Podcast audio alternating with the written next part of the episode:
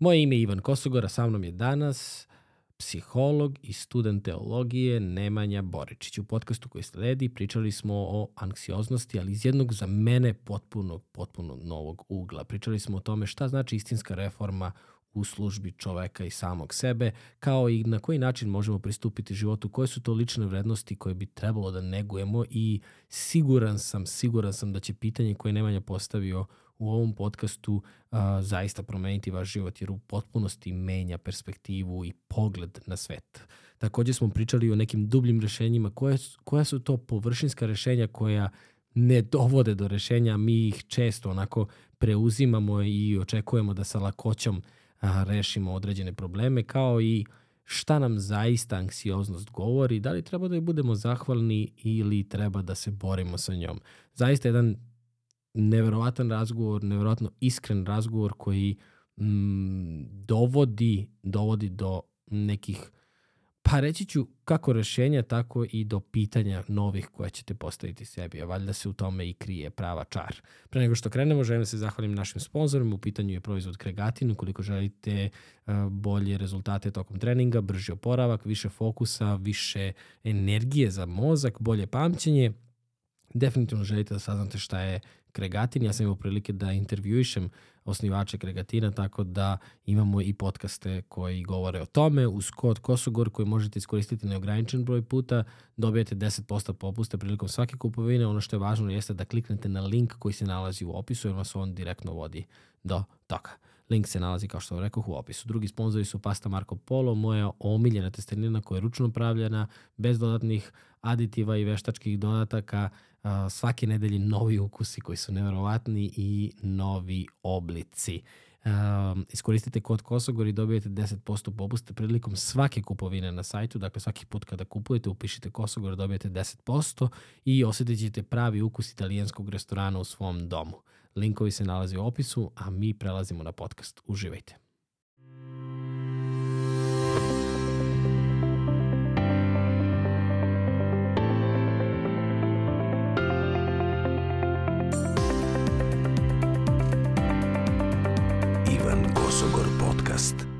Pale razmena knjiga, Jordan Peterson, ja mislim da ćeš stvarno da uživaš, ali Hvala dva ti. puta ili tri puta je pročitaj. Ne mora od, od prve do poslednje, nije u tom fazonu knjiga, poželjno je, ima nekog smisla, ali ovaj, ja se sećam kad sam je prvi put pročitao, da sam bio onako potrešen. Bila mi je prva knjiga ličnog razvoja, on sad prevazilazi to, ali ovo je filozofija nekog ličnog razvoja, mm. tako bih rekao, ali prva u koja je bila toliko mračna, sve pre toga je, znaš, sve je lepo, sve je sjajno, mislite pozitivno, bla, bla, znaš, a ovde je bilo kao, a, umrećemo, kao, znaš, čekaj, čekaj. Jedan moj drugar koji je filozof mi je rekao jednu misl koja se nadovezuje na ovo što ti pominješ. E, pitao sam ga onako u običajnom razgovoru nekome ovaj, da li je istina ono što smo načuli ili smo učili da životna filozofija se rađa u dokolici i on kaže apsolutno ne. I ja kažem kako? Pa kaže i praksa pokazuje i teorija pokazuje da se filozofija, duboka filozofija, odnosno mudrost života, rađa u graničnim situacijama. U onim situacijama koje ti stvaraju mučninu. Tako da ako ti je knjiga neka bilo koja isprva teška, to znači da te poziva na neko preispitivanje, tako da si mi dao dobru reklamu. ja ne bežim od knjiga koje su teške isprva, jer to pokazuje da te vodi u neku dublju analizu i e, dublje kopanje. Ništa na površini vredno se ne nalazi. Znači moramo duboko u životu da zakopamo da bi došli do nekih e, dobrih stvari. To je neka moja životna deviza i filozofija. Pa pazi, ima smisla. Znaš, mi, mi i knjiga je 12 pravila za život Jordan Peterson, ako ovaj, ljudi koji, koji slušaju. Ali ti kad kažeš danas kao filozof, znaš, ti pomisliš da neko sedi i filozofira. Ti sad kad pogledaš uh, grčke filozofe, filozofe iz Rima, uh, sa istoka, svi su to ljudi koji su bili neki ratnici, koji su uh, svoje telo dovodili do nekih ekstrema, koji su živeli u nekim ekstremima i koji su upravo to na nekim granicama spoznali da ovaj te neke mudrosti koje, koje su i dan ono van vremenske, znaš, dan danas važe. Tako da ovaj ima smisla, pogotovo pričali smo i, ovaj i pre Jordan Peterson koji ima te svoje unutrašnje borbe koje se onako jasno oslikavaju u njegovim rečima, u njegovom radu, znaš. Ali za veliko je poštovanje. Mislim, prosto ne, ne, ne bi toliko on buknuo u svetu, malte ne odjednom, a koliko je godina zapravo radio, ti sad kad vidiš taj materijal i sve to. Mm. Ali ja sam dobio na poklon dve knjige, rečeš, reče ti. Da. Nadam se da su dve. Rekao sam da mi zapakuju dve. Čekaj da vidimo to. E, pazi, meni su, meni su knjige omiljeni poklon. Inače, izdavačka kuća Preporod iz Beograda. Uh -huh. Obe sam knjige kupio kod njih i to je moja ovaj, prijateljica Milena pakovala, tako da pazi se, teško ćeš to da otpakuješ. Hvala Milena, zapakovano je. Što bi moja majka rekla, kao da se neće otpakovati. Znaš, kad, kad kupiš nešto ono zavijeno, znaš, treba ti tri noža. Ja ću ovo da, mogu da pocepam ima ovo? Da, da, da. da čuvaš.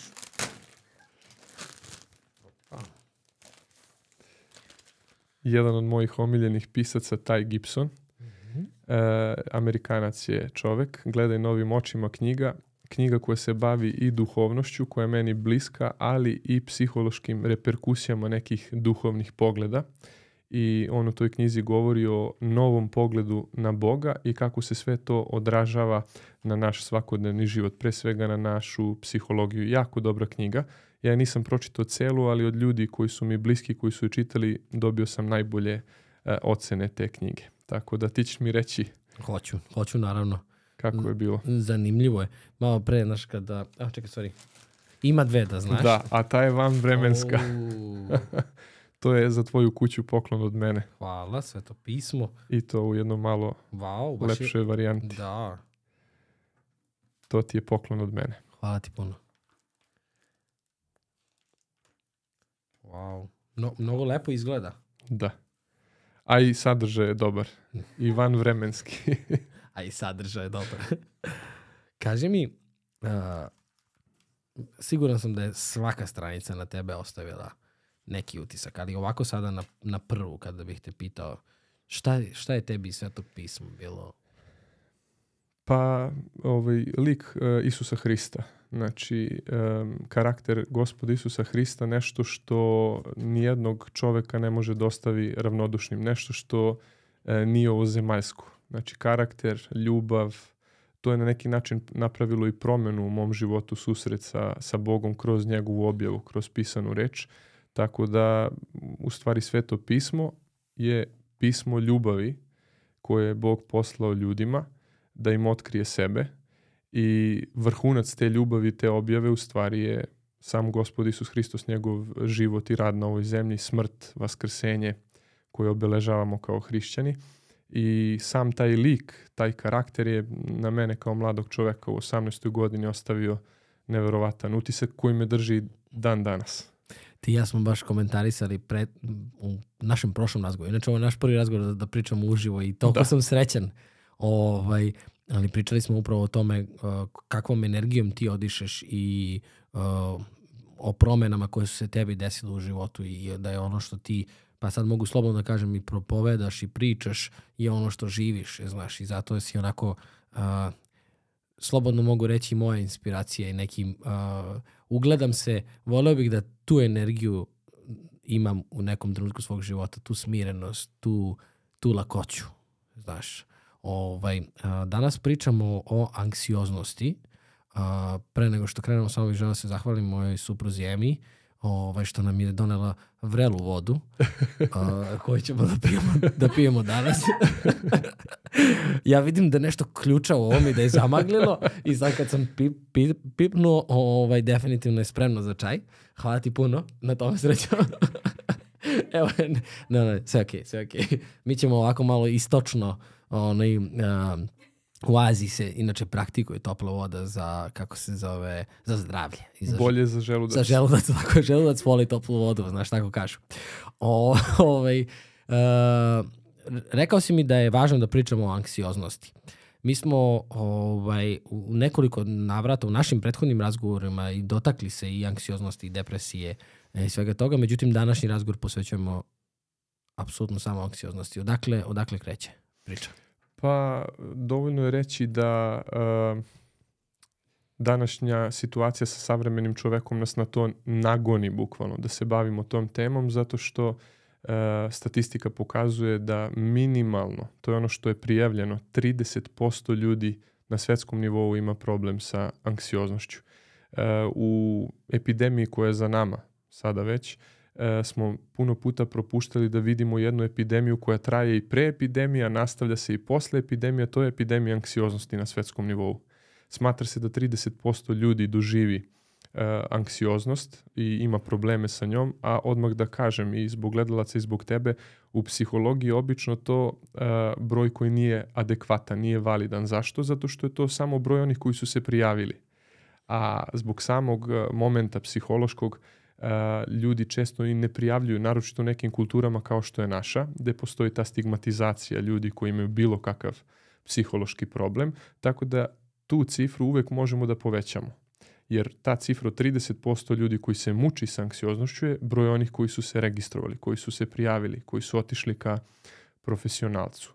Ako tome nadodamo nekih 10, 15, 20% onih koji su pokušali da pregrme sami i možda se još uvek muče sa tim sami, e, onda dobijemo jednu cifru koja pokazuje da mi treba da pričamo o tome, da treba da razgovaramo ni s drugima, da treba da damo prostor onima koji su stručnjaci i stručniji čak i od mene, jer ja jesam psiholog, ali nisam klinički psiholog i nisam psihoterapeut.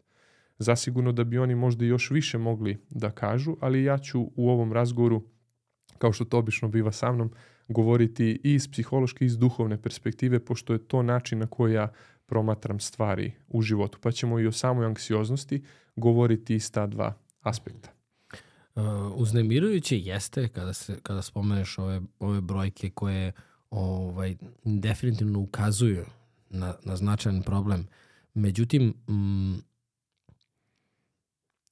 da li se mi borimo sa anksioznošću, nekako ta reč borba mi stvara neku novu anksioznost, u stvari kao, znaš, onaj protest, protesti za mir, pa se sruši ceo grad. Ovaj, kako, kako pristupiti onda anksioznošću?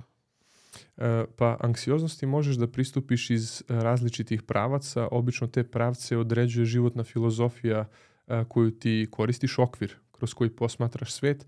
Najčešći okvir kroz koji se promatra anksioznost kao problem i psihološki fenomen danas je taj medicinski model koji smatra da e, je problem anksioznosti pre svega biološki problem. Ja lično ne mislim da je tako. Jeste to i biološki, uh, možemo reći biohemijski problem, ali pre svega ja zagovaram tu ideju koja kaže da je čovek celina.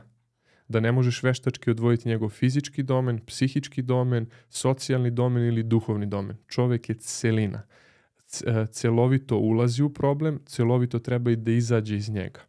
Tako da moja recimo filozofija kroz koju posmatram ovaj svet, e, moj okvir, kaže da je čovek jedno duhovno, psihološko, socijalno i fizičko biće. I njegovi problemi nisu isključivo biološki, mada se pojavljuju na biološkom nivou. Čovek je slobodno biće, moralno biće i njegovi problemi sa stresom ili emocijama nisu proizvod poremećene biologije pre svega, već su proizvod možda pogrešnih koncepata u razmišljanju, pogrešne duhovne perspektive, negativnih odnosa sa ljudima koji stvaraju opet stres i sve to ili negativnog životnog stila, kada sve to staviš na, jednu, na jedno mesto, onda dobiješ tu priču koja se zove anksioznost. Kao i svaki drugi problem sa emocijama, tako i anksioznost, ne smemo da je posmatramo onako uopšteno. Svačija anksioznost je njegova lična, zato što su svačije emocije njegove lične.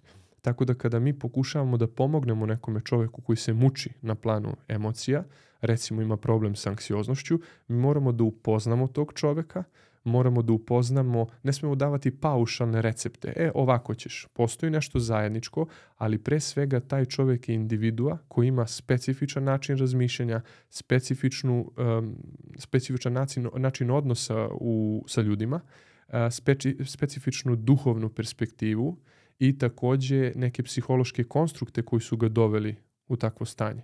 Tako da ona nastaje pre svega kroz sve ovo što sam opisao u životu jedne individue.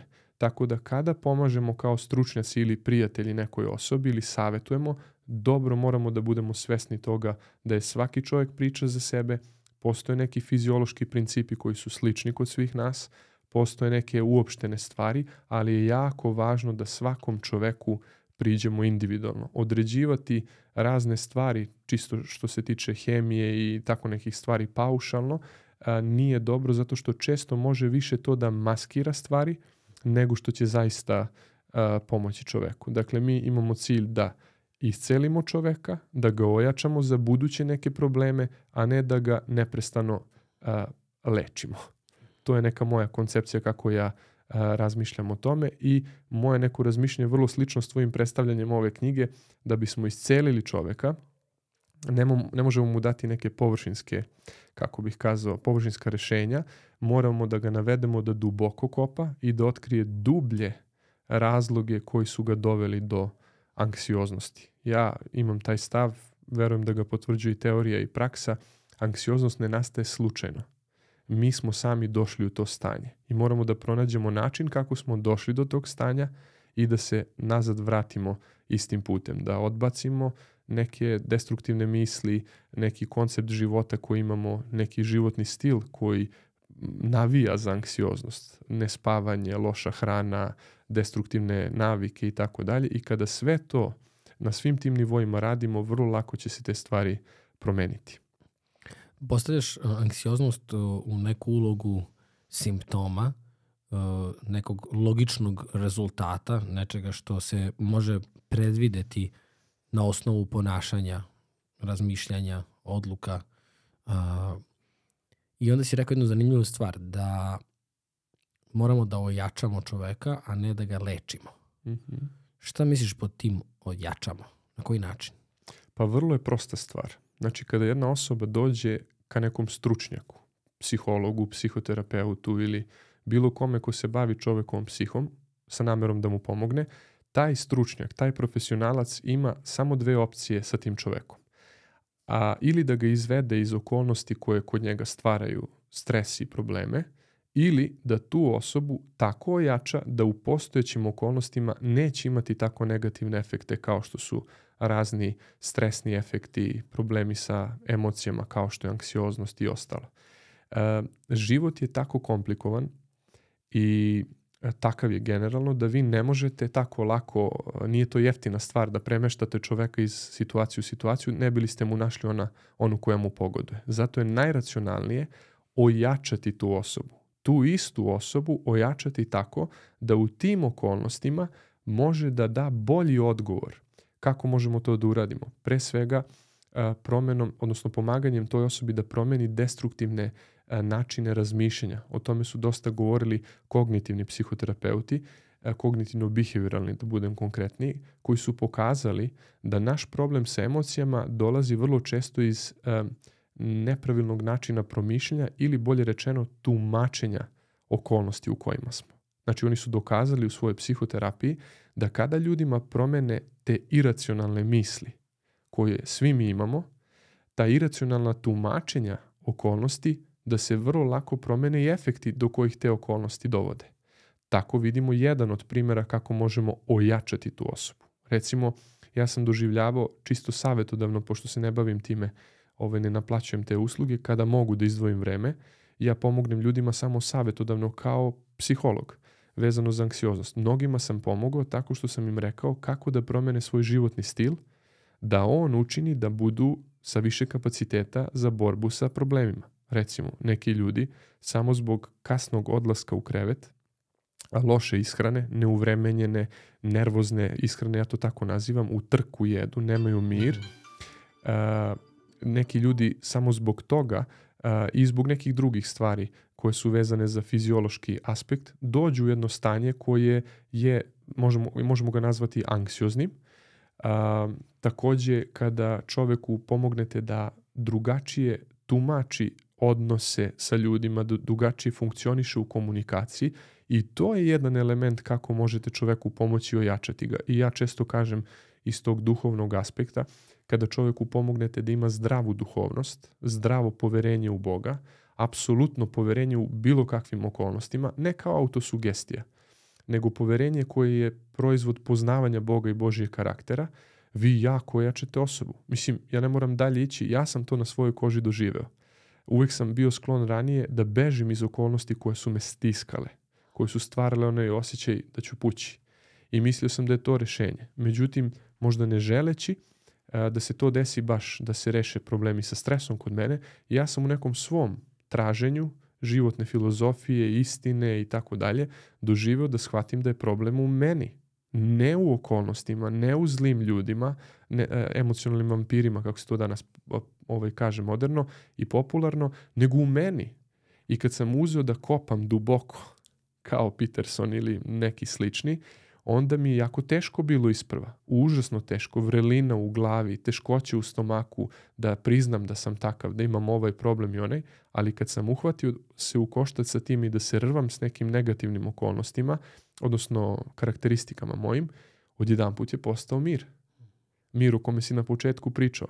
Znači, odjedan put kada sam doživeo da se u meni rodi poverenje, ta knjiga mi je recimo pomogla, ja sam odjedanput od jednog anksioznog, preplašenog momka postao osoba koja oseti talas biologije, onaj stres u trenutku, ali koji ne reaguje, koga to više ne parališe, nego jednostavno nastavljam da ostvarujem određene vrednosti koje ja smatram da su bitne i važne, iako je taj talas udari u mene. I onda taj talas i ode, nestane ga.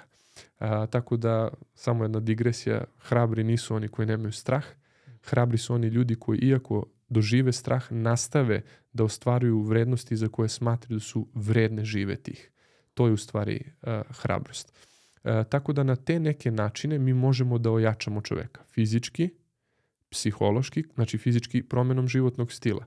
Psihološki kad ga naučimo da odbaci iracionalne misli da drugačije, uh, racionalnije tumači okolnosti Drugi, treći razlog je i aspekt je taj socijalni, kad ga naučimo da bolje komunicira s ljudima, da ne nastupa kao najinteligentniji, najpametniji, nego da osluškuje, da ne projektuje neke svoje slabosti na ljude, nego jednostavno da ih pusti da kažu ono što imaju i da ih čuje šta mu žele reći. Kad i na tom aspektu vaspitamo osobu i kad je ona spremna da posluša, još kad imamo onaj primarni, ja bih kazao, duhovni aspekt rešena, to je osoba koja ima poverenje u Boga, koje, koja i živi u sistemu bezuslovne ljubavi, koja ne mora da se dokazuje da leči komplekse da bi ubedila sebe i druge da vredi, nego vredi kroz ono što je Bog uradio za nju, procenio njen, njenu vrednost dajući Hrista.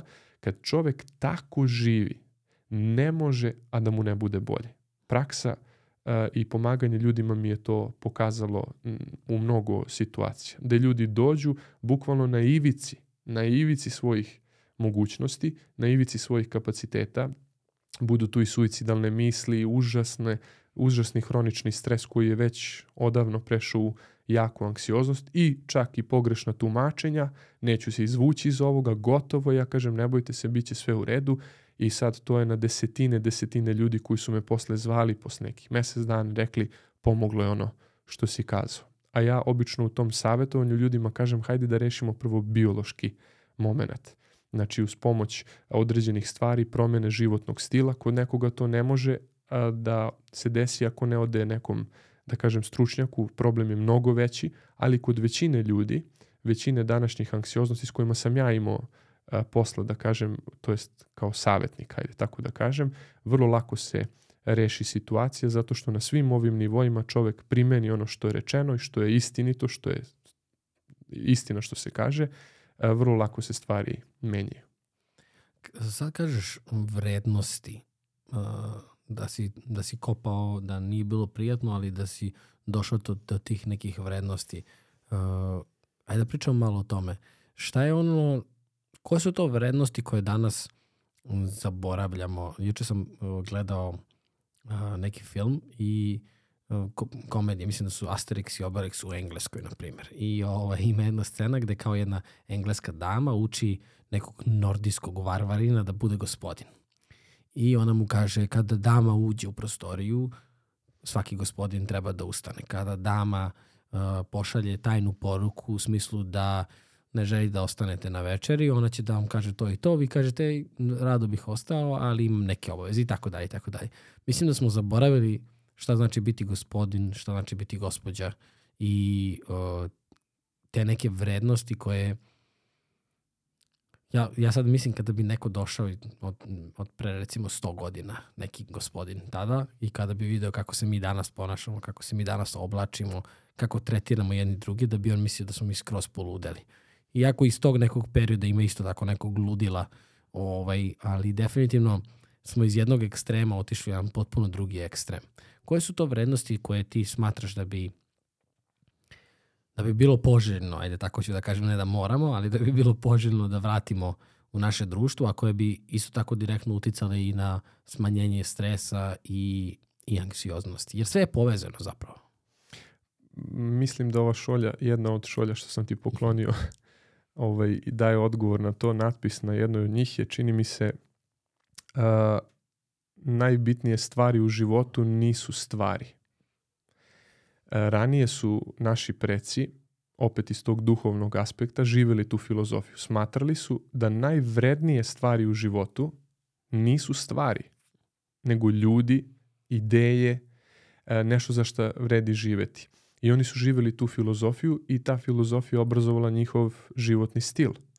Današnji čovek, zapljusnut tom, ja bih nazvao selfie filozofijom, koja je usmerena na ego, ego je na prestolu, on mora biti negovan, mažen i pažen. Ja je centar sveta.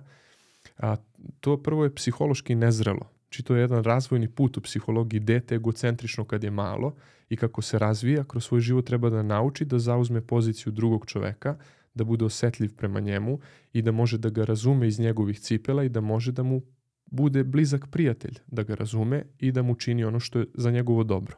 Nažalost, današnja civilizacija se po, zbog te filozofije koja je plitka, koja nam se svuda na neki način uh, nudi, je kao jedno malo dete. Sve je usmereno na mene, na moj uspeh, na, moj, uh, na moju sreću, ličnu sreću, lično zadovoljstvo, uh, koje mi smatramo ili nam je tako rečeno, mi ga dobijamo tako što jurimo za svojim uspesima i tako dalje. A u stvari životne situacije pokazuju da najvrednije u našem životu e, nije ono šta smo mi, ko smo mi, šta smo postigli, nego kome smo šta. Znači, najbitnije ulaganje je ulaganje u odnos. Evo sada neka istraživanja to pokazuju, ali to je, eto, vanvremenska mudrost, božanska mudrost. Ljubiti Boga celim srcem i ljubiti bližnjeg svoga i ljubiti sebe na jedan ispravan način. Onako kako ljubim sebe, tako ću da ljubim bližnjeg. Ako sam prema sebi sebičan i plitak, površan, ako ne poštujem ni sebe kako treba, nego samo zadovoljavam neke površinske želje i prohteve, ja ću takav biti i prema bližnjima. Neću ih ceniti, neću ih poštovati. Ako ne volim Boga, ako ne volim bližnja, ako ne volim sebe, ja sam promašio život, makar imao na kontu ne znam koliko, jednog dana ću se probuditi i videti da je sve prazno, da ništa ne vredi. To je recimo jedna vrednost koja pomaže u borbi sa anksioznošću. Ajde da povežemo, da ne odem predaleko.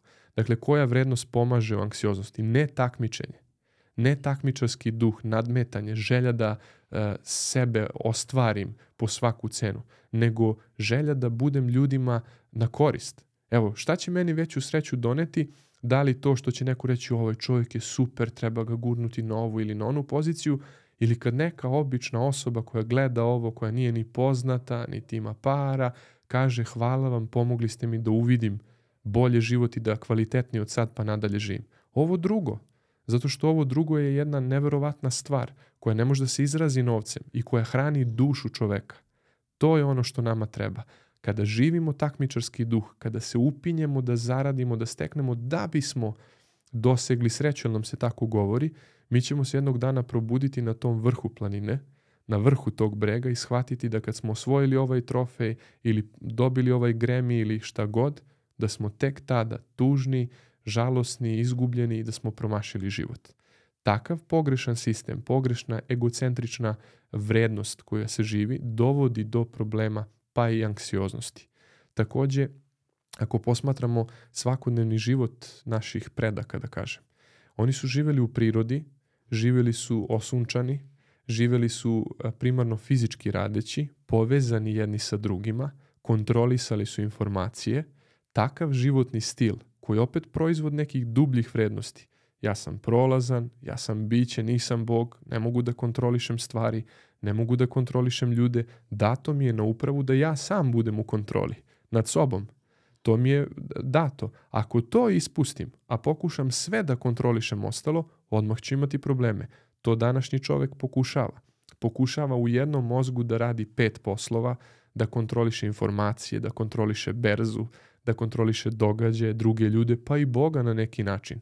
Današnji čovjek pokušava i Boga da kontroliše i ljuti se kada okolnosti nisu onakve kakvim želi. Znači imamo s jedne strane stari koncept života, životni stil, povezano s drugima, kontrola informacija, život praktično ovaj, sa puno fizičkog rada, na suncu, realniji život, a imate danas čoveka koji je učeni, kome je govoreno da je on sve, da je on suština života, da posle njega potop, da je suština i sreća života ne da bude u suživotu s drugima, dobrim odnosima, nego da stekne, da ima, da bi bio srećan, onda taj čovek sebe previše optereti nekim željama, ciljevima koji nekada i prevazilaze njegove sposobnosti, ne spava, ne pije, on hoće da i fiziološke principe pobedi da bi ostvario neke stvari i time se ponaša kao da je Bog u svojim očima.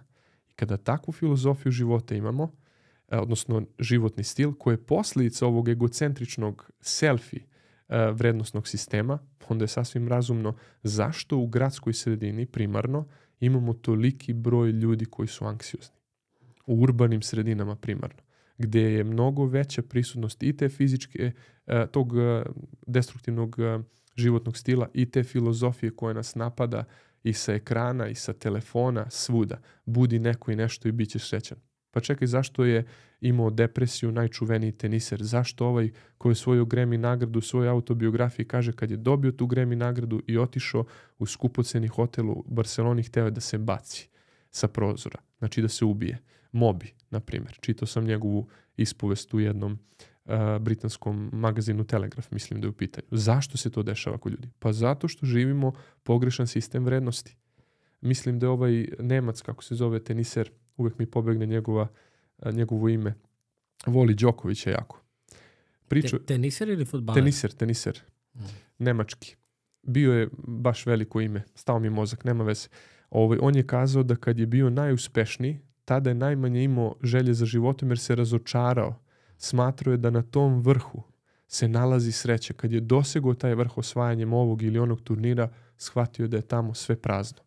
Šta je on u stvari pokazao? Da taj životni stil i tu filozofiju života koju je on odabrao da živi, jednostavno dovode do patnje. Kao što verujem da i današnji e, sistem koji se propagira, koji je potrošački, koji je površinski, isto dovodi do tih problema. Ne kopamo duboko, ne reformišemo se duboko, i onda imamo neke probleme kao što je anksioznost, koja ni malo prijatan problem nije, i onda mi tražimo površinska rešenja. Ne želeći da u tom putu isceljenja menjamo sebe, ne želeći da ego uopšte dotaknemo i da ga povredimo i onda imamo probleme.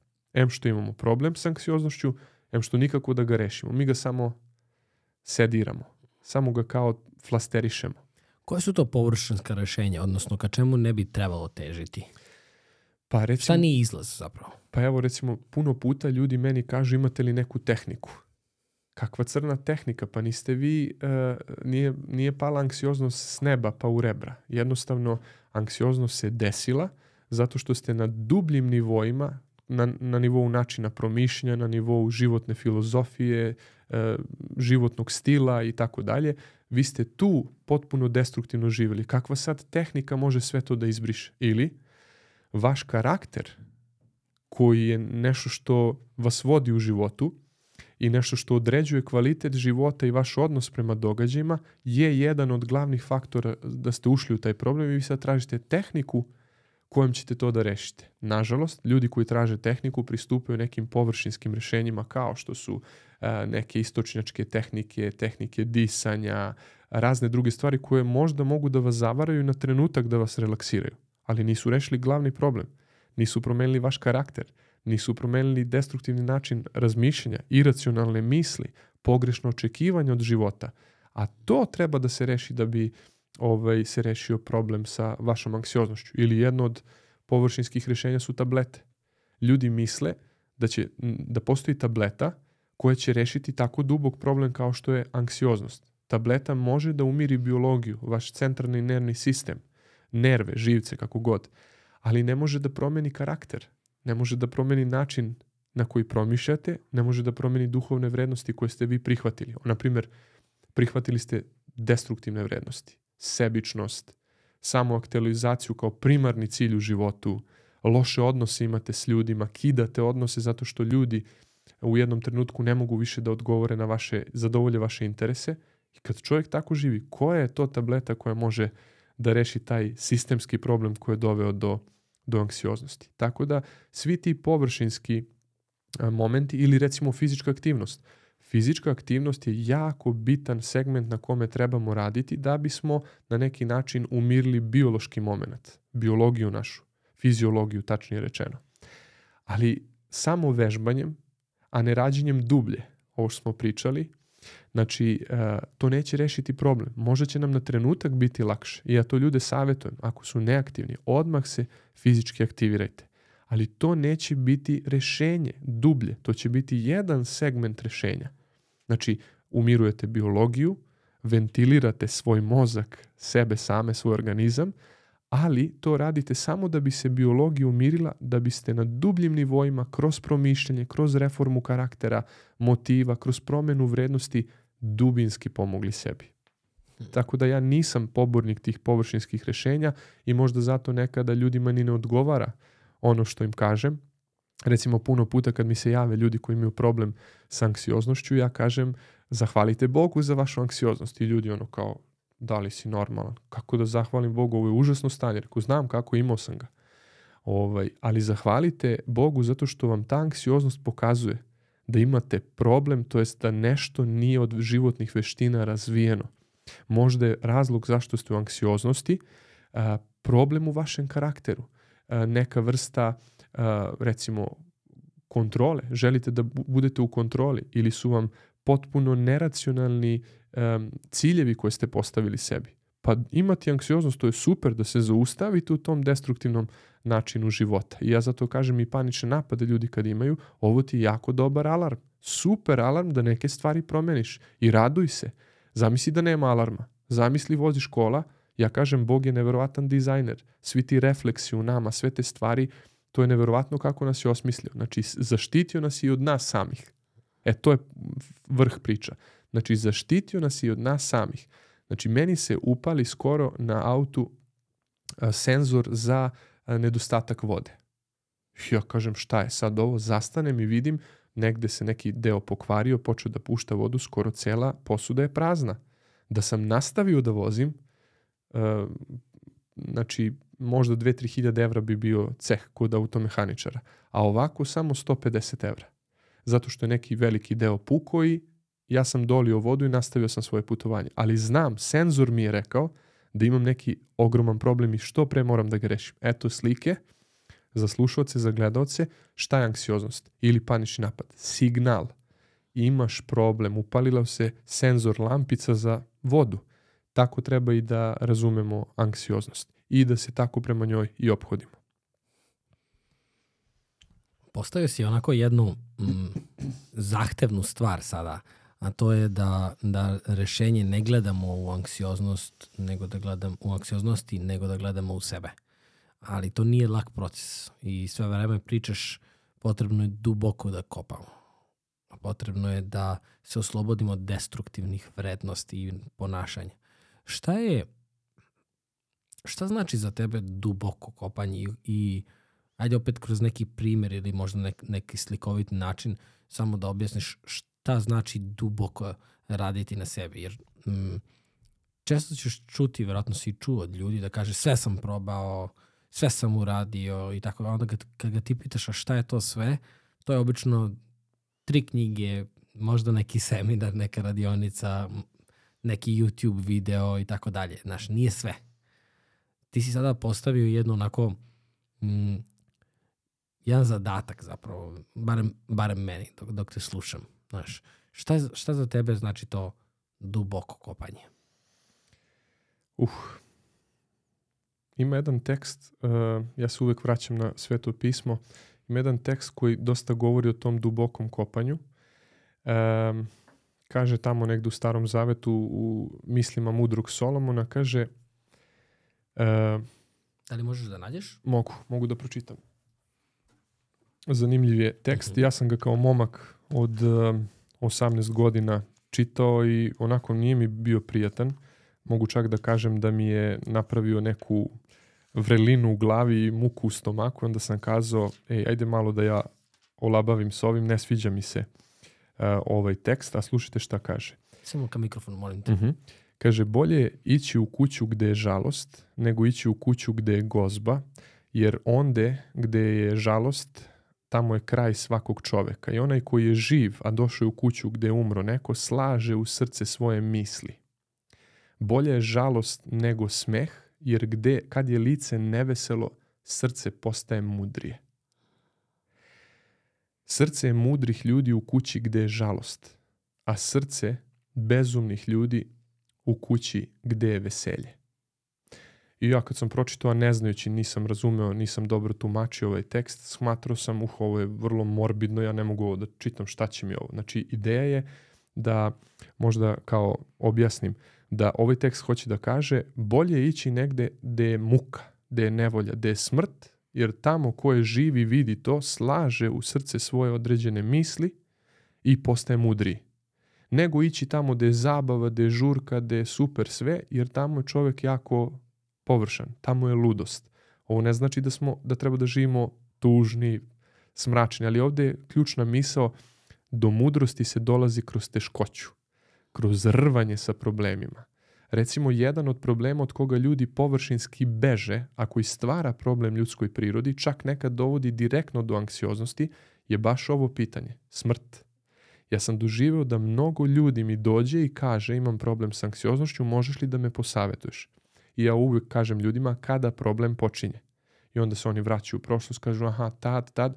I kada sam to pitanje nekolicini ljudi postavio, dobar deo njih mi je rekao, e, to je počelo kad mi je otac umro. Upao sam u jedno strašno stanje, nisam od, imao odgovore na pitanje vezano za smrt, za egzistenciju ljudi, šta, kako i onda je krenuo problem u glavi. Znači, taj čovjek je doživio egzistencijalni šok. Shvatio je da život ima kraj. Da je ostao bez roditelja. Ne može da ga vrati. I šta sada dalje? Većina ljudi doživi tu bol, teškoću u promišljenju i onda se trude da zamaskiraju to duboko životno pitanje. I onda idu na žurke, idu u preterani rad, samo da ne razmišljaju o tome. I znaš šta se desi? Ta osoba upadne na duže vreme u anksioznost. Zašto? Zato što non stop trpi stres. Psihološki trpi stres. Stres, šta posle smrti? Pa ovaj život je besmislen, pa ovo, pa ono, pa se muči, a flasteriše problem sa druženjem s ljudima, žurkama, preteranim radom ili putovanjima i opet kad se vrati u sobu, u samoću, krene da zvoni u glavi. Jel imaš odgovor na ono pitanje? Jesi našao? Mozak čoveka ovaj, vraća na tu situaciju čovek nema rešenje i problem. Šta bi značilo duboko kopanje? Zaviriti u e, rešenje, odnosno naći rešenje na smrtnost u ovom konkretnom primjeru. Znači, otkriti šta je istina o smrti, o životu, ima li nešto posle i kako se postaviti prema smrti u ovom životu, kako funkcionisati, kopati duboko, rvati se s Bogom, koristi se taj izraz u Svetom pismu. Znači, tražiti odgovore, ali duboke odgovore. I kada dobiješ odgovor, tvoj život nadalje je potpuno drugačiji. Mnogi ljudi su meni kazali, tako kad pričam s njima, kaže imaš neki mir, imaš neku dubinu, imaš neku stabilnost, ali ja sam sušta suprotnost bio pre susreta sa ovom knjigom, sa ovom filozofijom, sa Božim konceptom života. Zašto? Zato što sam non stop gurao po tepih stvari. Kada sam se uhvatio u koštac s ovim teškim tekstovima, s ovim teškim temama, i kada sam se izborio sa njima i našao rešenje, odnosno prihvatio rešenje koje već postoji, da se ja menjam, onda su stvari počele da se menjaju ja sam dobio neku dimenziju dubine, mira, spokojstva, čak i onim najgorim okolnostima. Tako da kad govorimo o kopanju duboko, mislim na tu reformu, na upoznavanje sebe, svojih slabosti i borbom, i mislim na borbu sa tim slabostima. Većina ljudi od malih nogu se izgovara kada su njihovi emocionalni problemi na druge. Znaš ono, učiteljica me mrzi, treneru nisam mio, mrzi me predsednik države, mrzi me e, profesor na fakultetu. Zašto bežati od glavnog i odgovornog urednika? Čijom reformom može mnogo da nam se promeni život? A to smo mi. Zašto se izgovarati na svoje, recimo, karakterne slabosti?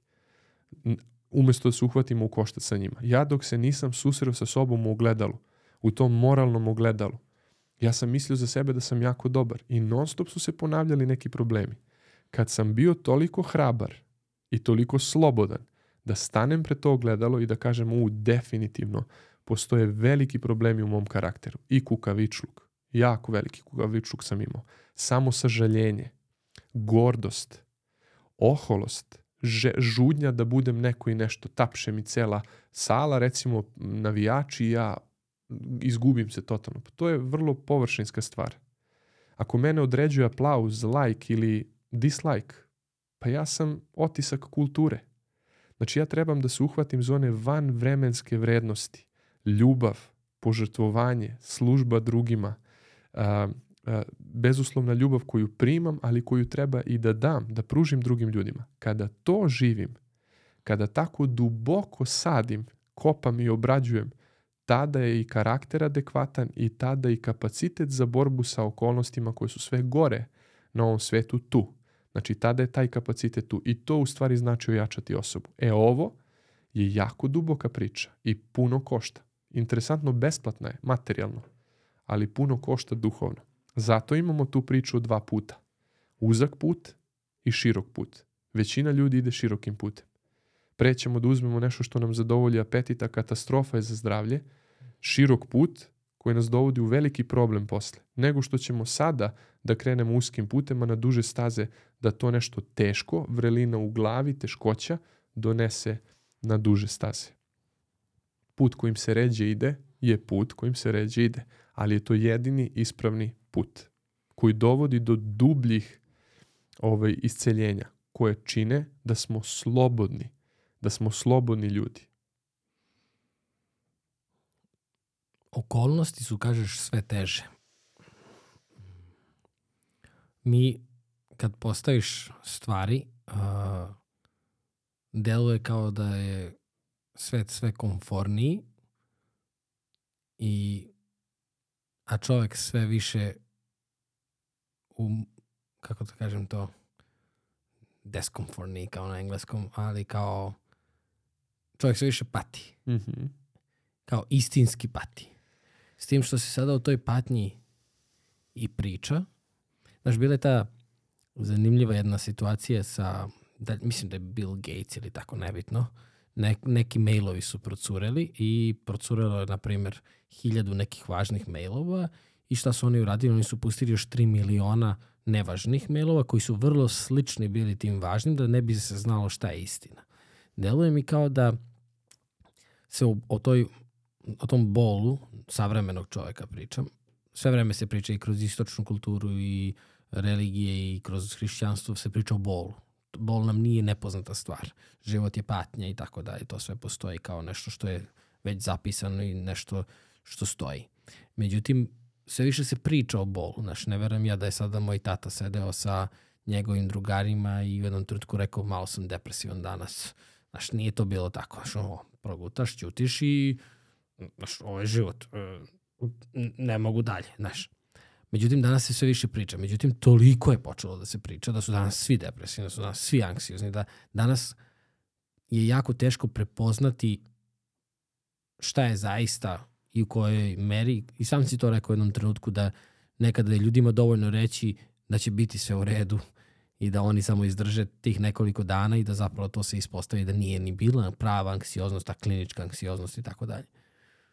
Ali ovo je jako zanimljivo što si napravio paralelu širog, šireg i užeg puta zato što mm,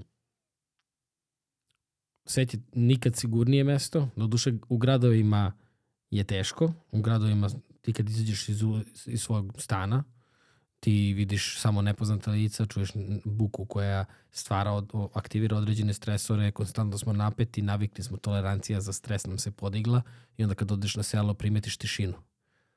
Ti bi trebao da primetiš glamu, a ne da primetiš tišinu u nekoj Mhm. teoriji. Ali mi zapravo primećujemo tišinu jer je to ono što nemamo više u životu. A, koje je tvoje mišljenje o trenutnoj situaciji društva kao zajednice i šta bi moglo biti, jer sve vreme smo sada pričali o čoveku koji ima kontrolu nad svojom anksioznošću u smislu da može da promeni upravo to sebe, rekao si reformu sebe, jako mi se Mhm. sviđa ova, ta, ta, ta reč. Ovaj, inače nastala je od reči reforme torta. Se. ovaj, ali kaži mi, kada bismo posmatrali društvo kao cijelinu, ukat- uhvatio sam se za ove tvoje okolnosti koje si sada rekao. Jer deluje mi kao da sve ovo što si sad ispričao ima, ima težinu, ima smisla, ali imam utisak da se sada čovek više ne bori samo protiv svojih strahova, nego se bori protiv okolnosti i zajednice u kojoj se probudio svakog dana. Ja bi se sad samo uhvatio za ovo što si kazao, da se nadovežem. Znači, pričaš o društvu, to je negde fokus tvog pitanja, e, govoriš o anksioznosti, e, o današnjem vremenu i tako dalje, o okolnostima. Ja vidim jedan jako veliki problem kad je anksioznost u pitanju u prezaštićivanju dece od bola. Bol je satanizovan u današnjem društvu. Znači, ljudi bezglavo beže od bilo kakvog bola.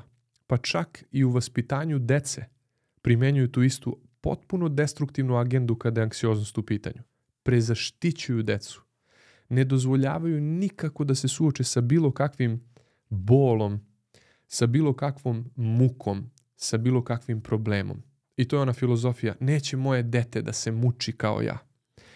Pa čoveče, ženo, baš zato što si se mučio ili mučila, stekao si otpornost i borbeni duh da se sa bilo kakvim okolnostima suočiš. Nije bilo mame da te pregrejava, pretopljava, morao si da se malo navikneš i na hladno.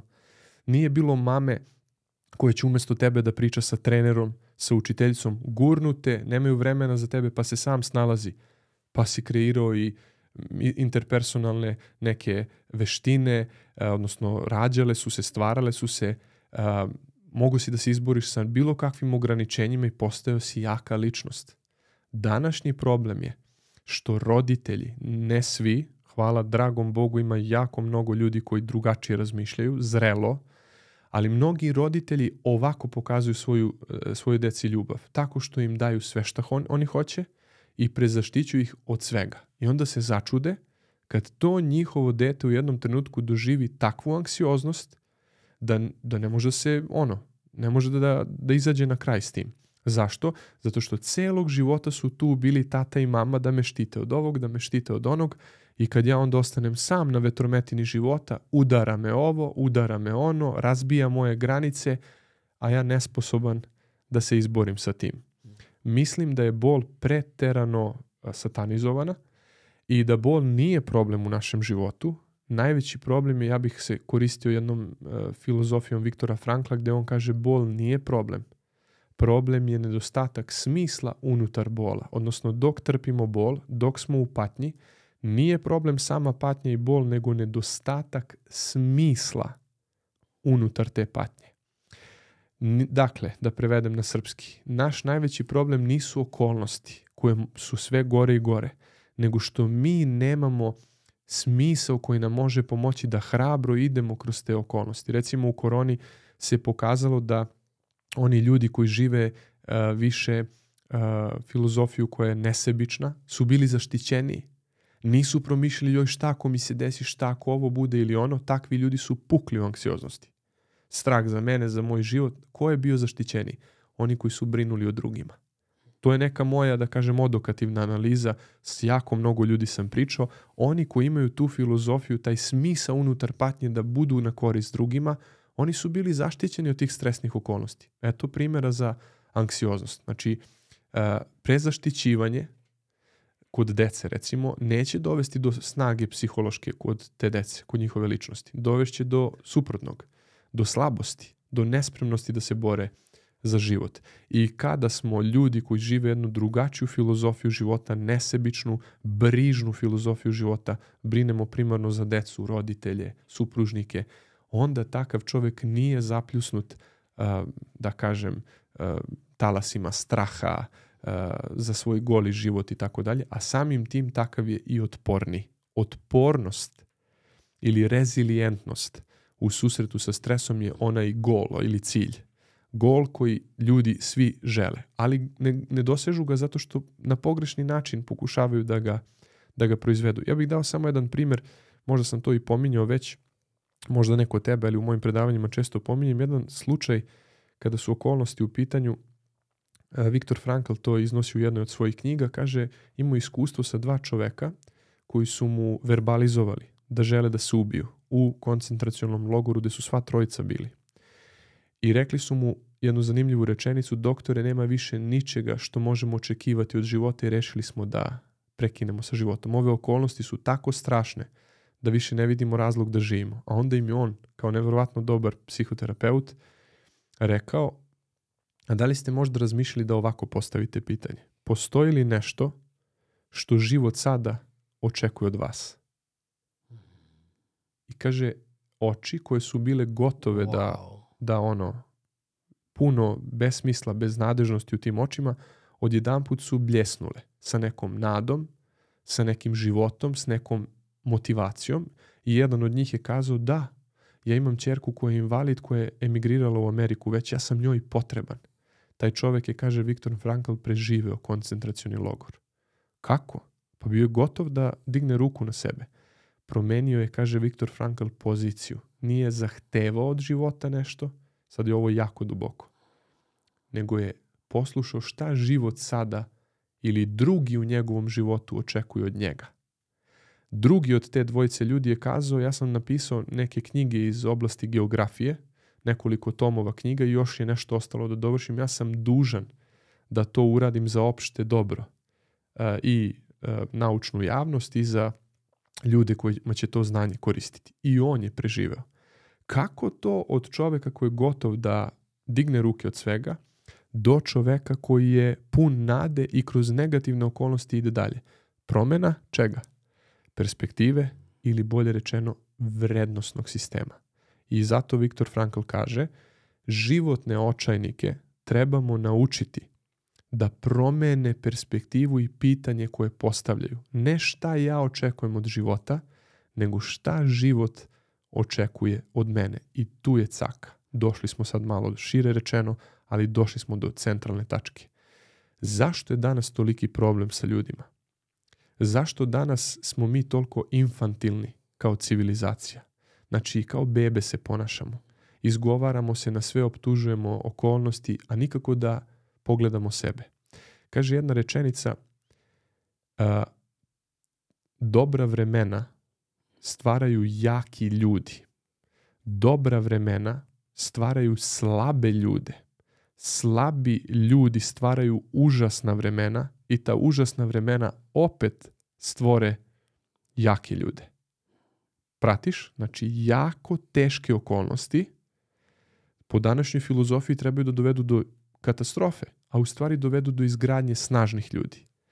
A dobra vremena, comfort zone, koju mi toliko volimo, toliko smo joj verni, umesto da dovede do kvaliteta, dovede do katastrofe, do generacija koje se žale na učiteljicu, na ovo, na ono i koje su u načelu nesposobne da odgovore na životne zadatke i pozive. Nije bitno šta ja želim. Znači, svako od nas želi da bude srećan. E, svako od nas želi da bude radostan u životu. To je sasvim legitimno i super. Ali nije bitno kako ja mislim da dođem do toga, šta ja želim, šta ja priželjkujem, nego je bitno, ispostavlja se u životu, šta život očekuje od mene. Moj David, moja Andrijana, moja Anastasija, moja Marija, Marija je supruga, ovo troje su deca, moji prijatelji, moji slušaoci, moji sunarodnici ili možda možemo da kažemo građani istog sveta na kome ja živim, šta drugi ljudi očekuju od mene, u čemu sam im ja potreban. Znači, ne njihov isto površinski prohtevi, ne mislim na to, jer ako idemo za prohtevima drugih ljudi propašćemo, nego šta realno njima treba. Nekad će neko reći treba mi lepa reč, a možda ne treba da mu daš lepu reč, nego možda i da ga nekad ukoriš za slabost karaktera koja ga vodi u probleme. Kao lekar, imaš rak. Neće ti kaže super, si sve u redu. Na to mislim kad kažem ukor. Imaš rak, ali možemo ga rešiti. Hajde da budemo hrabri da to odstranimo. To je na neki način potreba koju ja a, mogu da zadovoljim u nečijem životu. To je ključno pitanje. Šta ja a, danas treba da uradim? Koji su moji životni zadaci? Kada mi živimo odgovora način života i kada dolazimo do te situacije, do te faze da smo sluge tuđoj sreći, onda smo mi najsrećniji, ali istinske sreće, ne one površinske. Onda smo mi najsrećniji i najostvoreniji ljudi. Kada se kada smo ojačanih kapaciteta da možemo da se borimo sa životnim okolnostima, onda smo mi zaista oni pravi i onda živimo a, sreću. Tako da ja mislim iskreno slično kao i kognitivno-behavioralni psiholozi, naš najveći problem nisu stresori ili stresne okolnosti, već naše pogrešno tumačenje i naš pogrešni životni, životna filozofija. Mi namećemo životu, zahtevamo nešto od života, umesto da odgovorimo na one proste zadatke koje život postavlja pred nas. O, ovo pitanje koje si sada rekao šta život očekuje od tebe je možda najbolje pitanje koje sam do sada čuo u životu. Znači, o, baš je onako sad ću da nakon ovih, ovog razgovora da kupim sve njegove knjige i da pročitam. Mislim, spremao sam se već neko vreme. Mislim da sam pročitao Man's Search for Meaning. Mm -hmm. ovaj, to je jedna od njegovih. Ali ovaj, ima ono zašto se niste ubili i... Ja mislim da je to ista knjiga, samo uh, drugačiji naslov. Jel da? Da, da, da. Zašto mm. se niste ubili? Kod nas je prevod te čovekova mm. potraga za smislom. Je. Da. Ali ovaj, volio bih svakako i na srpskom da, da ovaj, čitam. Uh, malo, malo pre si u jednom trenutku rekao gore okolnosti i ja sam se uhvatio za to i samo hoću još jedan trenutak da se vratimo. Kad kažeš gore okolnosti, a pominješ komfort, da li ti misliš na komfort kao gore okolnosti, jer ti realno kada pogledaš, mi, ne, mi nikad nismo živjeli u boljim okolnostima, u smislu da samo pre 100 godina je bilo normalno da te neko izbode nožem na ulici, ako da. padneš, vrlo je teško da će se pronaći ubice i tako dalje. A, mislim, to je samo jedan onako primer, jedan od, ali gde je ono kako su se u bolnicama tretirali deca koja su se rađala i tako dalje i tako dalje. E, okolnosti su bolje, a međutim ti kažeš gore. Pa u smislu, to, to su sad opet dva nivoa. Jedan nivo je uh, realne okolnosti života, koje su sve gore u smislu kreće kriza, finansijska, problemi sa ovim i sa onim. Na to mislim kad kažem gore okolnosti ali što se tiče tog drugog nivoa, psihološkog nivoa, definitivno bolje okolnosti su gore okolnosti. Ok, znači hoću da kažem da kada je nama udobno, to nije dobro za nas. Čovek se menja, raste i razvija kroz susrete sa graničnim okolnostima koje provociraju naše kapacitete da se povećaju da uzrastu. Recimo kad gledaš razvojni put deteta, to razvojni psiholozi najbolje znaju, svi smo mi to na faksu učili, razvojnu psihologiju, znači e, krize, životne krize su okidači za napredak, za razvoj. Znači dete ne može da hoda, ograničeno je, puzi i samo u jednom trenutku se pojavi nova sposobnost. Skok. Znači pojave se nove okolnosti usled nemogućnosti da se prevaziđu neke uh, okolnosti. Znači do rasta se ne može doći ako nemamo uh, provo, provocirajući element od strane okolnosti. Ako nisu izazovne. I to je zanimljivo. Kada govorimo o uh, odnosu stresa uh, i anksioznosti, neki autori su analizirali u kom su odnosu učinkovitost na poslu i nivo stresa kod čoveka ajde ovako, možda bolje da prikažem. Znači jedna i druga osa. Znači u, u, učinak na poslu i nivo stresa. Kako se, kak, kad je mali nivo stresa, okolnosti su, izvinjam se, um, učinkovitost na poslu je mala. Kako se povećava nivo stresa, učinkovitost iznenađujuće raste, ali samo do jedne tačke. Kada pređe tu neku optimalnu, optimalni nivo stresa, kada se on poveća iznad optimuma, onda opet učinkovitost počinje da pada. Znači kad je mali stres, nema napretka, a i kad je veliki stres, preterano veliki, imamo problem sa a, svojim zdravljem. I onda su oni rekli postoji optimum stresa koji dovodi do najvećih, a, a, da kažem, postignuća. Tu vidimo da izazov mora da postoji za našu, naš, naš mozak da bismo mogli da, da napredujemo i da se razvijamo. E sad postoji druga dimenzija na tom grafikonu koji su oni otkrili. Ako nivo stresa traje i povećava se, povećava, znači imamo hronični stres, dolazi do pojave anksioznosti, često paničnih napada, nekad kulminacija, nervni slom. Kada čovjek više ne može da podnese. Dakle, mi vidimo da su anksioznost i stres jako povezani. Znači, hronični stres dovodi do anksioznosti ili prelazi u anksioznost. Jako bitna stvar tu zapomenuti što hronični stres ne mora da bude samo u susretu sa nekim gubitkom ili sa zemljotresom koji je danas tužna realnost ili sa ratom koji je takođe tužna realnost na ovom svetu. Stres hronični može da se dešava čak i kad patimo zbog neke krivice koju trpimo dugo vremena, zbog nečeg što smo učinili. I to je kod ljudski, ljudi ovaj, stresno. I ako niste rešili problem krivice, on ispod tepiha može da stvara probleme i dovede vas do anksioznosti. Hronični stres može da bude i vaš, vaš neodgovor ili nepostojanje odgovora na pitanje egzistencije, odnosno na, na pitanje uh, smrti. Znači, ljudi su izgubili nekoga, došli su u tu egzistencijalnu krizu, šta dalje, šta posle smrti, kako da živim ovaj život, koji je smisao ovog života kad svi umiru, zašto bi zarađivo, zašto bi sticao kad ću umreti, da li je to smisao života? I onda vi dođete u jedno strašno stresno stanje koje egzistira kad god ste sami, kad god ste u tišini sa samim sobom, boli vas, da kažem, taj, taj i stresira vas to pitanje na koje nemate odgovor i to može da dovede do anksioznosti. Tako da jako je važno da shvatimo tu povezanost između stresa i anksioznosti. Mnogi ljudi imaju anksioznost zbog hroničnog stresa, zbog nerešenog pitanja stresa koji kod njih postoji. Zato ja pitam ljude kad mi kažu anksiozan sam, od kad to počinje? Zašto to pitanje postavljam? Da bismo zajednički prepoznali okidače, da bismo mogli da nađemo i rešenje. Ovo me podsjeća na uh, moju profesorku matematike, Anđelku, odnosno nastavnicu iz osnove škole. I ona priča i kaže, matematika je karika na kariku, ali kad pronađete prvu, ovaj, ako nju otkačite, sve ostale padaju. Znaš? Mm -hmm.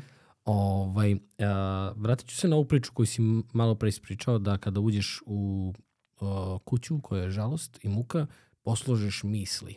Odnosno čovek, ajde malo ću protumačiti, ti me ispravi ovaj, ili podrži, uh, da čovek počne da posloži misli, znači da uspori misli, da se preispita.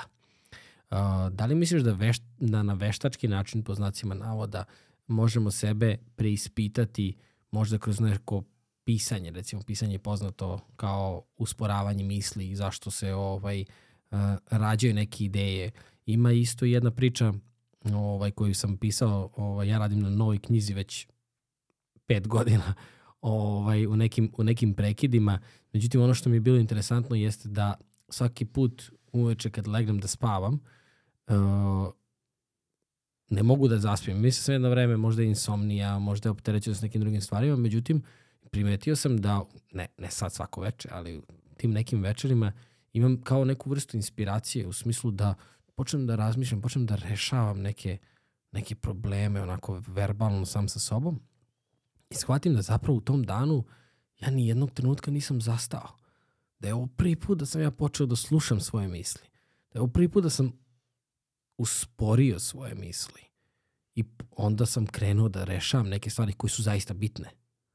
Znaš, da li misliš da može anksioznost, ajde da, da nekako zaokručimo možda ta neki boljitak života da se dosegne upravo m, da ne čekamo neki taj burnout, sindrom pregorevanja, nego da jednostavno se mi usporimo, da mi kažemo, e, čekaj, sada mi je stalo i sada hoću da ja vidim šta ja tu mogu da uradim. Kako? Ta reforma, deluje mi da može da dođe mnogo ranije pre nego što se ta lampica i upali o kojoj smo pričali?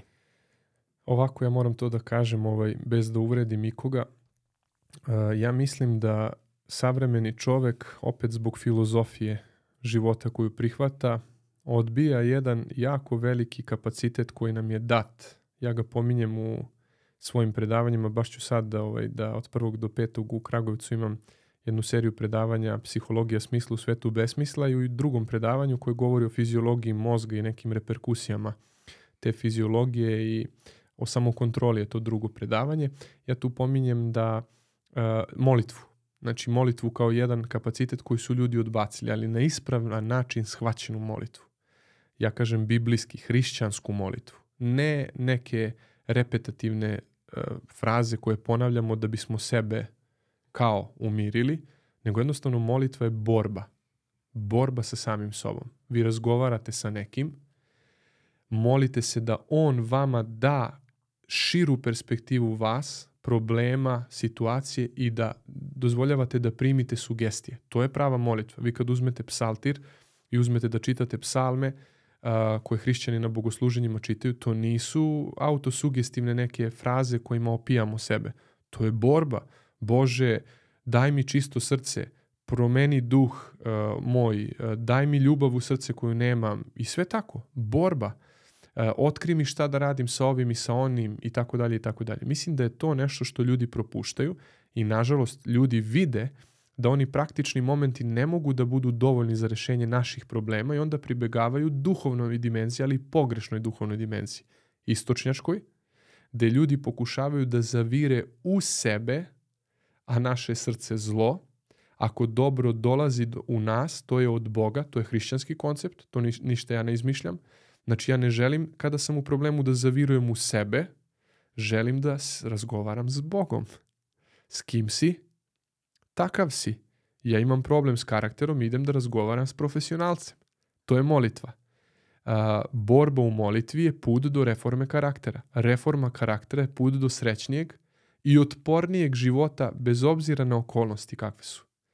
Današnji čovek zbog filozofije koja je egocentrična, koja ne voli um, da se prst upre u nas, pribegava, opet kažem, toj istočnjačkoj filozofiji gde ja pokušavam da tehnikama na trenutak pobegnem od problema. Zavirivanjem u sebe, osluškivanjem svog srca i tako dalje tako dalje. To su sve fraze ali ono što vidimo je da to ne osposobljava čoveka da u okolnostima, istim okolnostima u kojima je bio, bude bolji.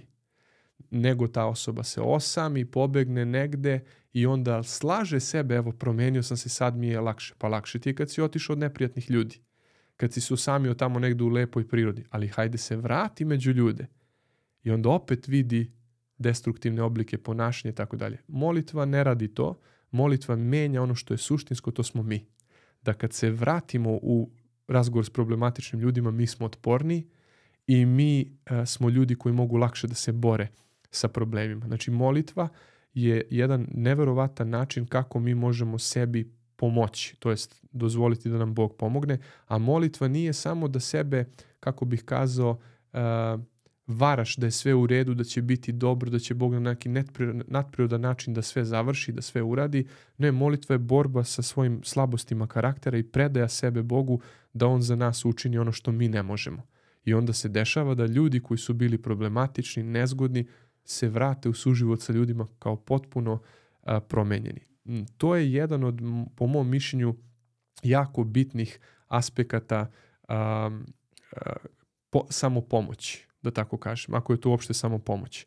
Jednostavno da priznamo da imamo problem i da uh, dozvolimo da on bude rešen. Evo ti samo jedan primer uh, iz praktičnog života. Ja, ja sam imao jednog prijatelja, ko, mislim i dan danas ga imam, hvala Bogu, koji je bio bivši narkoman, heroinski narkoman, zavisnik heroinski 10 godina. I kaže on da je bio u nekom centru za odvikavanje i sad on je meni objašnjavao kako dolazi do ulaska u taj centar, šta se tamo radi, hrišćanski neki centar u pitanju.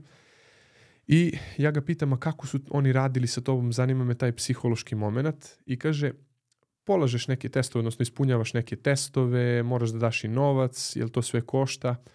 I kaže, ključna stvar je nešto zašto ja nisam znao da je ključna stvar, niti iko od tih štićenika kako ulazi u taj centar zna da je to ključna stvar, ali to je taj, mi ga zovemo u psihologiji marker item. Znači, pitanje od koga ti zavisi jesi li prošao ili nisi na nekom testu. Ili pitanje od koga zavisi hoćeš li ući ili nećeš ući u taj centar. A pitanje glasi ovako. Na primjer, ajde, Ivane, da li si očajan? I kaže ovaj moj drugar kad mu je postavio taj čovek pitanje, on kaže ja razmišljam o sebi, kradem svoje roditelje da bih se drogirao, odnose sam razrušio, ne vladam sobom, ne da sam očajan, kaže on, nego ću se ubiti sigurno ako ne rešim ovaj problem. I ovaj mu čovjek kaže, ti si isceljen. A kaže, u to vreme je bio, u smislu, ti si na putu isceljenja. No, u to vreme je bio neki bogati momak kome otac držao neke hotele ili šta već, ne znam ni ja. I on je uh, isto bio na, na tom programu i kada je njega valjda pitao taj čovjek, ako se ja dobro sećam, jesi li očajan? I on je rekao, teško mi, ali nisam očajan. I nije se ni skinuo s drogi. E, to je meni jedna slika uh, šta je suština našeg problema sa bilo čim. Da li si očajan, ne sa okolnostima, nego sa samim sobom, sa manama svoga karaktera, sa slabostima svoga karaktera. Ili nisi. Ako kažeš da jesi, na putu si promene. Duboke promene, e, celishodne promene. Ako kažeš da nisi, teško ti je, ali nisi očajan sa slabostima svoga karaktera, sa lošim ovaj, e, nekim e, karakteristikama, onda nema, nema pomoći. Zato je puno ljudi koji idu širokim putem kad je u pitanju i anksioznost i drugi neki fenomeni. Zato što ljudi ne žele da priznaju sebi da imaju problem, ne žele reformu, ne žele znači duboko kopanje, žele površinske, ja kažem, flaster rešenja ili e, tabletarna rešenja. A to ne vodi do dublje promene. O ovom pričom možemo da, da privedemo kraj ovaj razgovor. Ovaj, mm, spomenuo si predavanja. Ja hoću samo da spomenem da ti imaš fantastičan YouTube kanal sa, sa gomilom sadržaja i stalno izbacuješ nešto novo, primetio sam u poslednje vreme. Ovaj, tako da ostaviću link za sve ljude koji, koji žele da se dodatno u stvari upoznaju i sa tvojom energijom i da čuju ono što imaš da kažeš. Mislim da je stvarno onako biser jedan kod nas na Balkanu, tako te ja posmatram. A, kada su predavanja, gde ljudi mogu da se prijave? E, što se tiče tog pomenutog serijala, on je u Kragujevcu u hotelu um, Kragujevac od 1. do 5. marta od 19 časova. Uh, ali što se tiče mog YouTube kanala, čisto da kažem neku vrstu možda uputstva za upotrebu ljudima koji bi došli. Ja sam završio psihologiju na Novosadskom fakultetu o, filozofskom, osnovne master studije, ali mene život nekako odvoji u drugom pravcu, u pravcu teologije. I ja trenutno, ovaj, pored toga što sam psiholog, sam na vanrednim studijama teologije i dosta je moj um uhvaćen u koštac sa tim teološkim pitanjima. Znači na mom kanalu imate i psihološka i duhovna predavanja. Ono što je uputstvo za upotrebu je da su sada primarna teološka, baš zbog toga što sam u teološkoj ovaj, literaturi, ali svakako koga zanima jedno može da nađe jedno, koga zanima drugo može da nađe ono drugo. Uh, ima nekih predavanja i na nagovor moje drage žene Marije morat ću uh, da se malo vratim na kolosek psihologije, jer ima ljudi koji žele taj domen da čuju, a ja sam nekako nepravedno zapostavio to. E, I žena svakog dana, i kad se budim i kad ležem, pita me kad ćeš da snimaš nešto psihološko, kad ćeš da snimaš nešto psihološko. Ovaj, ne možeš samo u jednom pravcu, ima ljudi koji to možda ne razumeju, e, snimi taj spoj, vidiš da ljudima to znači, da im, da im je dobro, da im odgovara na potrebe. To kada spajaš teologiju i psihologiju. Pa ja mislim da ti super žongliraš između ta dva i nekako praviš uh, znaš kao, kao i DNK što je onako mm. ispovezana tako da meni, meni generalno prija. Znaš, to ti je kao neka povratna informacija, onako da kada, kada, kada spojiš i kada, kada tumačiš na neki način uh, svoje, svoje priče zapravo. Da. Mislim da je to u stvari i najadekvatnije rešenje i anksioznosti i drugih problema uh, psihološke prirode, jer s obzirom da je čovek celovita stvar, mora celovito da reaguje na određene e, na određene poremećaje ili probleme u svom psihološkom funkcionisanju, tako da bez e, doticanja teologije ili duhovnosti, one zdrave hrišćanske duhovnosti, ja bih rekao biblijske, nema dubljeg rešenja. Jer pazite, e, vi u tom radu sa ljudima u psihološkom radu dođete do neke barijere i dalje ne možete. A duhovnost do, dodaje i tu nadprirodnu dimenziju uh, i nadprirodni uticaj i taj moment koji mi sami ne možemo da proved, sprovedemo, to je taj efekat duhovnosti, božanske ljubavi, božanskog delovanja u naš život. Dakle, uh, ja sam ne mogu da se promenim. To čak i u Svetom pismu kaže. Ajde, kaže Bog preko jednog proroka, kažite mi da li može etiopljanin da promeni crnu boju kože svoje. I onda kaže da li može leopard da promeni šare svoje. Možete li, kaže vi koji činite zlo, da se naučite da činite dobro? Bez nadprirodnog delovanja ne možete. I tu su u stvari na neki način otvorena vrata za taj spoj. Znači postoji element psihološki koji donekle može da pomogne, ali ne može psihologija da mi pomogne da se promenim, da postanem drugi čovek, što je ključ i cilj zdrave duhovnosti. Da postanem neko, ne neko drugi, ja sam i dalje Nemanja, ali kvalitetniji Nemanja, Nemanja koji je dublji u tom nekom psihološkom i duhovnom smislu. Mo, možda bi izraz bio da postanem zapravo pravi Nemanja. U stvari to i jeste, mi smo za to stvoreni, za taj identitet, božanski identitet, da budemo stvarno onakvi kakvi treba da budemo u kontroli nad samim sobom, osetljivi prema drugim ljudima, odgovorne ličnosti koje ne beže od odgovornosti. Od ranih dana se uče da nije problem muka i nevolja, problem je dosada i letargija. Znači da prihvatim odgovornost i da živim tako da ostvarim najdublje, najvrednije ciljeve koji neće samo meni doneti dobro, nego i svim drugim ljudima. To je u stvari ta vremenska, vanvremenska filozofija kako je ja nazivam. Upravo tako. E, mnogo mi je drago prvo da smo snimili konačno uživo, da sam te video, da smo pružili ruku jedan drugom. Hvala ti na, na poklonima, na knjigama. Ovaj, to je uvek najbolji poklon za mene. I, hvala I tebi ti hvala razgovor. na knjizi. Takođe, takođe. Hvala puno.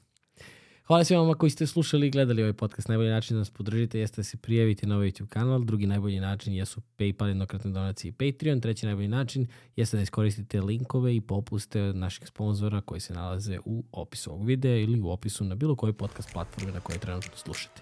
Mi se vidimo sledeći put.